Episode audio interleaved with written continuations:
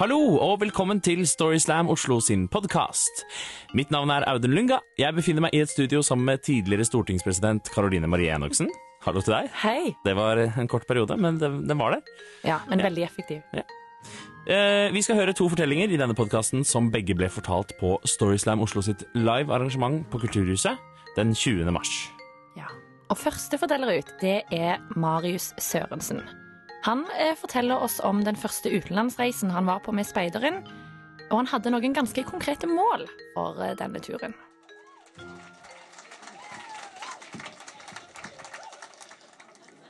Da jeg var 15 år gammel, så hadde jeg vært speider i mer enn halvparten av livet mitt. Og som en belønning for dette så skulle jeg endelig få være med på utenlandstur. Og Tidligere så hadde speideren dratt til Sveits, til England og Sør-Afrika. Så jeg så for meg det aller beste med Brasil, Syden, Australia. Et eller annet land med masse varmegrader, så at jentene gikk i bikini. For jeg var 15 år, jeg var ukyssa, hadde aldri hatt kjæreste og hadde aldri sett ei jente i bikini. Så jeg hadde store forhåpninger til denne utenlandsturen. Telefonen min ringte. Det var Espen, patruljeføreren.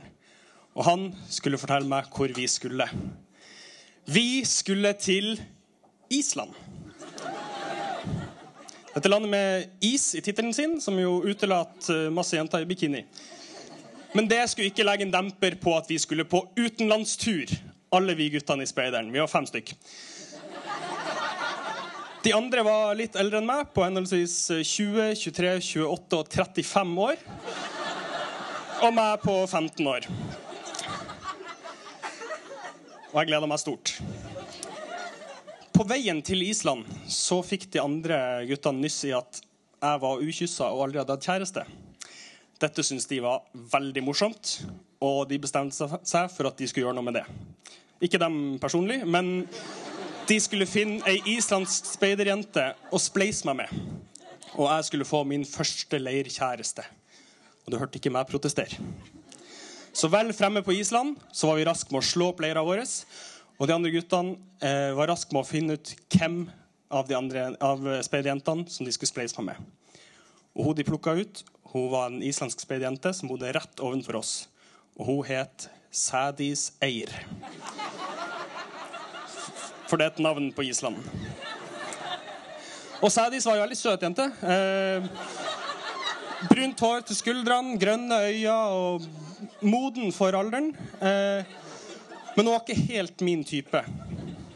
Min type var mer eh, langt, blondt hår, blå øyne, godt utvikla personlighet og, eh, og drittdeilig. Min type var mer Bergtåra Bergthora Sveinsdottir. Sædis i beste venninne. Hun var en sann skjønnhet og en fryd for øyet. Og jeg tok meg flere ganger i å sitte ved middagsbordet og bare stirre på henne. Og noen ganger så kikka hun tilbake, og iblant så smilte hun. Og da dunka hjertet mitt så hardt at jeg trodde jeg hadde hjerteinfarkt og kusma og koma alt på en gang. Men nei, det var bare blikket til Bergtåra og mitt som møttes. Så går det som det går på leir. Det går mot slutten. Og siste kvelden var over oss uten at jeg hadde sagt et eneste ord til Bergtåra. Ja, for hvordan skulle jeg si noe til henne? Hun, hun snakka islandsk, jeg snakka norsk. Vi hadde ikke noe felles språk. Så jeg måtte bare akseptere at eh, slutten på leira var kommet, uten at vi skulle utveksle et eneste ord. Og slutten på leira den skulle feires i god islandsk speiderstil, nemlig med et speiderreiv. Og det er rett og slett at vi bygde ei scene ute i skogen, fyrte opp musikk, blæste ut litt lys og pumpa ut røyk fra røykmaskinene, og så dansa vi inne i skogen. Og jeg holdt meg sammen med de andre guttene i patruljen min, for eh, de hadde jo kone og kjæreste og sånn, og måtte ikke rote seg borti noe. Og jeg torde jo ikke å snakke med noen, så det funka godt for meg å bare henge med de. Men hele tida mens vi sto der og dansa, så speida jeg etter min Bergthåra Sveinsdottir. Min måne og sol, mine skyer og min vind. Men alt jeg kunne se, var bare sædis og masse andre speidere. Så vi dansa bare. Dansa dansa dansa. Og jeg speida og speida og speida. Helt til jeg kunne se et par juveler som skinte opp i røyken. Og de juvelene var omkransa av ei elv av blondt, vakkert hår. Og jeg kunne se to fantastiske duvende kinn som hoppa opp og ned i sakte film. Jeg så bergtåra, og hun så meg. Og hun kom gående rett imot meg. Jeg kjente astmaen slo til, og pustevanskene meldte seg. Og Hun kom nærmere og nærmere, og jeg begynte å svette, og hendene mine ble klam. Og hele kroppen min begynte å riste. Og jeg rista helt til Bergthåra tok meg i hendene. Og der sto vi og så på hverandre og smilte. Helt til jeg så ansiktet til bergtåra kom nærmere og nærmere, og jeg tenkte nå skjer det! Nå skal vi kysse! Og vi kyssa. Og vi kyssa som vi aldri hadde kyssa før. Og det hadde vi jo ikke! Hadde aldri kyssa noen før. Og det var det mest grisete, slevete, snørrete og mest romantiske kysset noensinne. Vi kyssa med tunge, vi kyssa med tenner, med øre, nese, hals. Vi kyssa helt til speiderreivet var over, og selv da så kyssa vi litt til. Det var ikke før langt utpå natt at vi stoppa å kysse. Jeg tok henne i hånda og fulgte henne tilbake til leirområdet sitt. Kyssa henne pent god natt og nikka farvel som en god speider. Og så gikk jeg til mitt og la meg.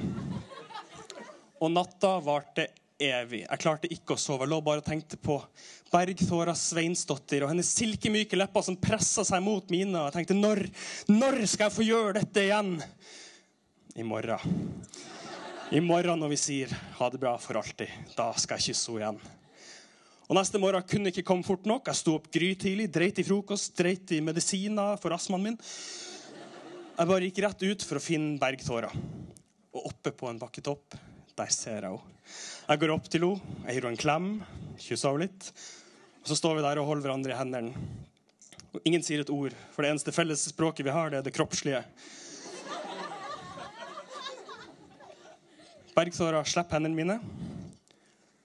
Så tar hun av seg smykket sitt, legger det i handa mi, og så sier hun Så du ekki glemme mer. Smykket er et lite rosa hjerte.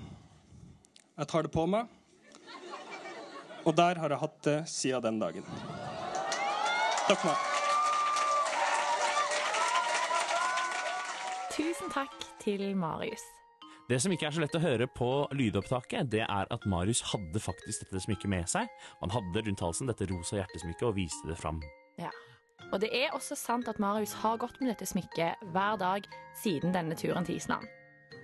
Let it go, let it go.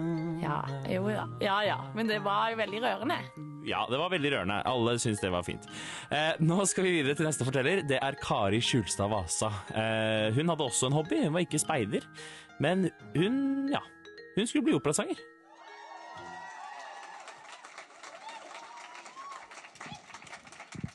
Da jeg var liten, så hadde jeg en veldig stor drøm om å bli operasanger. Jeg så meg selv stå på en stor scene med flott oppsatt hår, en stor, fin rosa kjole med sånn stort sånn prinsesseskjørt. Og så skulle jeg stå sånn og synge foran et stort publikum. Og publikum skulle juble høyt fordi jeg hadde akkurat sunget en så flott arie, helt nydelig. For så flink trodde jeg at jeg kom til å bli. Eh, det her resulterte jo i at jeg eh, sang veldig mye når jeg var liten. Jeg sang gjerne vanlige sanger eh, i operaversjoner som jeg hadde lagd, lagd sjøl. Syntes de var veldig fine. Og jeg sang når jeg gjorde lekser, når jeg var ute i hagen og lekte at jeg var operasanger. Og jeg sang når jeg kom hjem fra skolen. Naboene, eh, naboene de kunne gjerne høre en lyd langs veien. De kunne ikke helt se hvem det var. Men alle naboene visste at det var Kari som var på vei hjem fra skolen, for hun skulle bli operasanger. Jeg er fra et sted eh, som heter Elverum, og jeg vokste opp med storesøstera mi, mamma og pappa, i et eh, grått hus med hvite vinduskarmer. Og en, eh, det var en kjeller og en første etasje, og vegg i vegg så bodde bestemor. Utafor huset hadde vi en stor hage. På den ene siden var det bærbusker, rips, solbær, bringebær og en liten bakke som vi akte ned om vinteren. Mens på den andre siden så var det en fotballbane, eller en gresslette som vi spilte fotball på. En liten lund med noen trær og en liten uh, haug med tømmer. Rundt denne hagen så kranset det en, et gjerde. Dette gjerdet var uh, bygd som en stokk og en stokk til to meter unna, og to planker som var snekra fast til disse to. Uh, jeg og søsteren min lekte mye sammen da vi var liten. Og en vår så eh, syntes vi det var ekstra gøy å balansere oppe på gjerdet. Vi eh, gjorde det mye sammen. Eh, den ene sto ved siden av og så på og hjalp til den andre. Og mens den andre balanserte, og sånn bytta vi på. Og så var det en vår eh, Jeg var ca. åtte. Og eh, søsteren min var på kornettøvelse. Eh, pappa jobba overtid på jobb. Og mamma var inne i huset og gjorde vårrengjøring. Jeg var, ute i hagen og hadde akkurat lekt eh, opera i hagen og hadde begynt å kjede meg litt. Så jeg tenkte denne eh, la meg, Jeg kan begynne å balansere litt. Fortsette på eh, det målet som jeg og søsteren vår hadde, eh, hadde, satt oss den sommeren. At vi skulle balansere rundt hele gjerdet. Så jeg gikk bort til eh, tømmerstabelen og fortsatte der vi hadde avslutta sist. Jeg gikk opp på gjerdet og så for meg. Begynte å balansere med høyrebeinet foran det andre. Og følte at jeg var litt sånn på en operascene. Så uh, følte dette var jeg flink til. Dette kunne jeg godt bli vant til. Jeg balanserte videre, kom over den neste stokken, og så merket jeg at jeg begynte å miste balansen. Jeg uh, begynte å veive med armene for å iherdig prøve å få holde på plass. Men jeg datt av.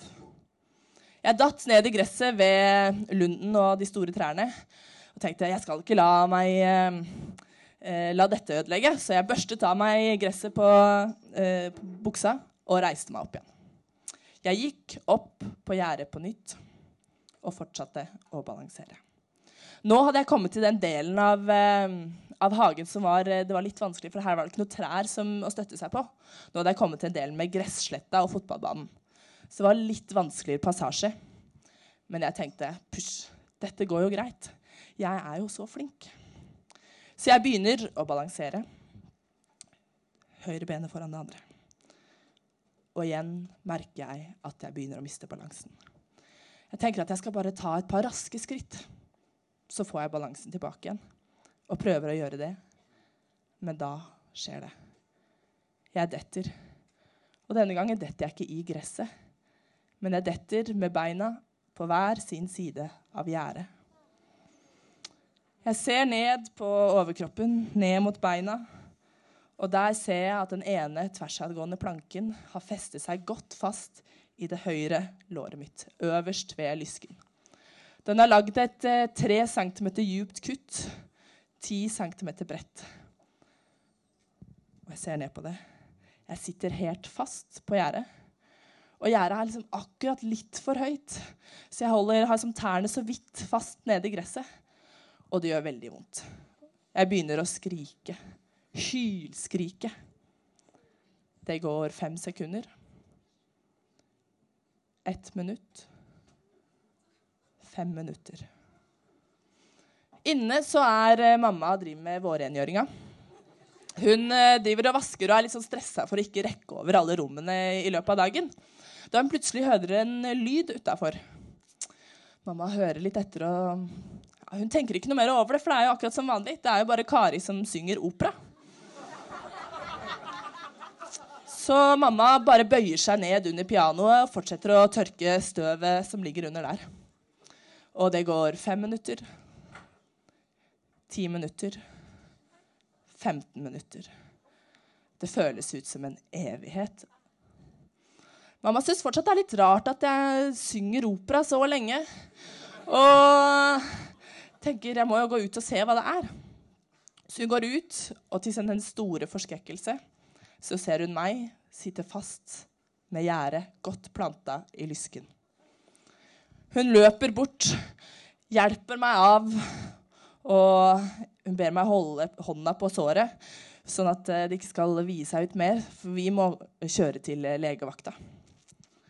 Vi kjører fort til legevakta, og jeg husker egentlig ikke så mye mer etter det. Det er mye bedøvelse og mye sprøyter. Og det hele ender med at jeg må sy ti sting i låret. Det ble ikke så mye balansering resten av den sommeren. Og livet lærte meg en lekse. At jeg kanskje hadde ikke talent for uh, operasang likevel. Takk for meg. Tusen takk til Kari.